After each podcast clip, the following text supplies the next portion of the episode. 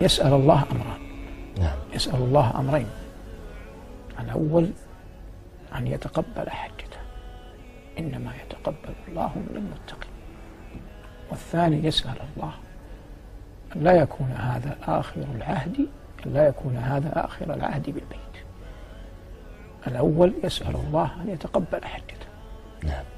والثانية يسأل الله أن لا يكون آخر هذا آخر العهد بالبيت. الله يقول وإذ جعلنا البيت مثابة للناس وأمنا. معنى مثابة أي أن القلوب تشتاق له حينا بعد حين. نعم. ولا تمل من زيارته ولا القدوم عليه.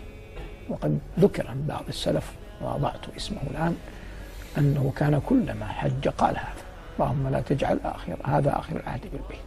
حتى عمر فاستحي أن يقولها. الله.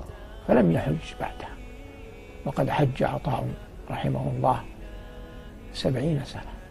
الله أكبر. والله الذين غبطتهم من الناس معدودين. وممن غبطتهم من غير الأنبياء والمرسلين الصحابة عطاء. ابن أبي رباح. أن الله مكن له برحمته نعم. أن يقف في عرفة سبعين سنة. لا إله إلا الله. كم أوتي من علم ولا إله إلا الله في ظننا؟ كم آتاه الله جل وعلا من فضل؟ والله لو لم يكن الله يحبه فيما نعلم لما أقدمه على أن يسأله سبعين سنة. والله لو أن عدوك وقف بباب ساحة بيتك سبعين مرة الله في أكبر كل عام مرة. يطلبك شيئا لاستحييت أن ترده.